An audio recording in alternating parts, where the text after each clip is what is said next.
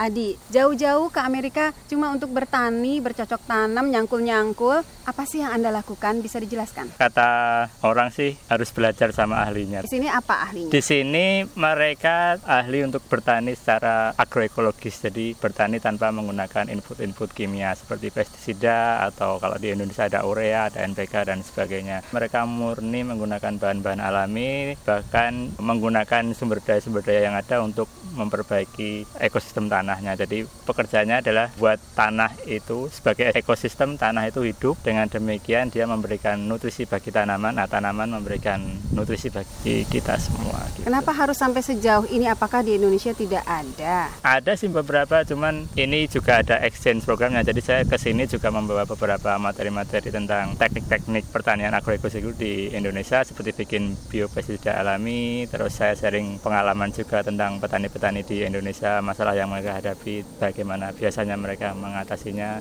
Saya ke sini juga bertukar informasi. Rencananya apakah juga akan segera diterapkan di tempat Adi berkarya di Indonesia? Rencananya begitu kalau dari program RX dan DOS setelah ini saya punya kewajiban membuat action plan itu selama enam bulan melakukan proyek yang ilmunya saya dapat dari sini.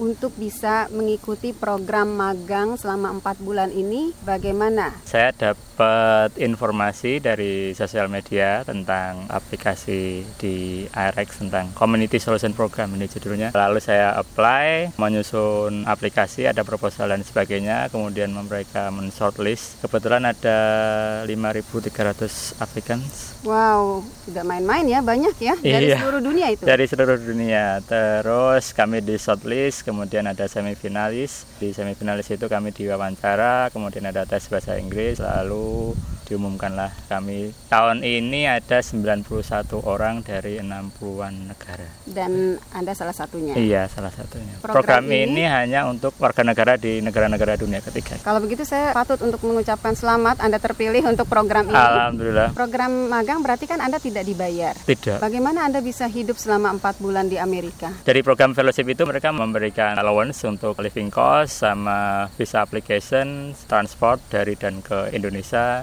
cukup living allowance-nya? Cukup, kalau nggak cukup ya dicukup-cukupkan. allowance itu dihitung dari kebutuhan biaya hidup di negara bagian masing-masing karena kami dari 91 fellow ada di beberapa negara bagian. Kebetulan saya di Maryland. Di Ecocity Farm saya bersama satu orang dari Jamaika.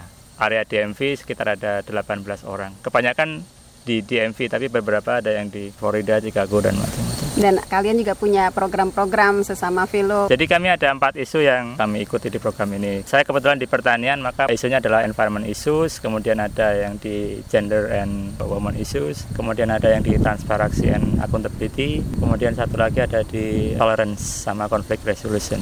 Jadi macam-macam dari 91 fellows itu mereka punya masing-masing core kegiatan mereka sendiri, tergantung mereka aktifnya di negara mereka itu apa. Tapi yang di program ini, yang community solution program itu fokus utamanya di empat isu itu. Nah, selain kita mempelajari isu-isu utama ini, kami juga dilatih leadership. Jadi ada Community Leadership Institute. Kami setiap minggu ada course. Jadi selain kami bekerja di host organization, kami punya banyak materi untuk dibaca, video, kemudian ada tugas-tugas setiap minggu kami harus submit. Berarti Anda bisa bilang program ini bagus?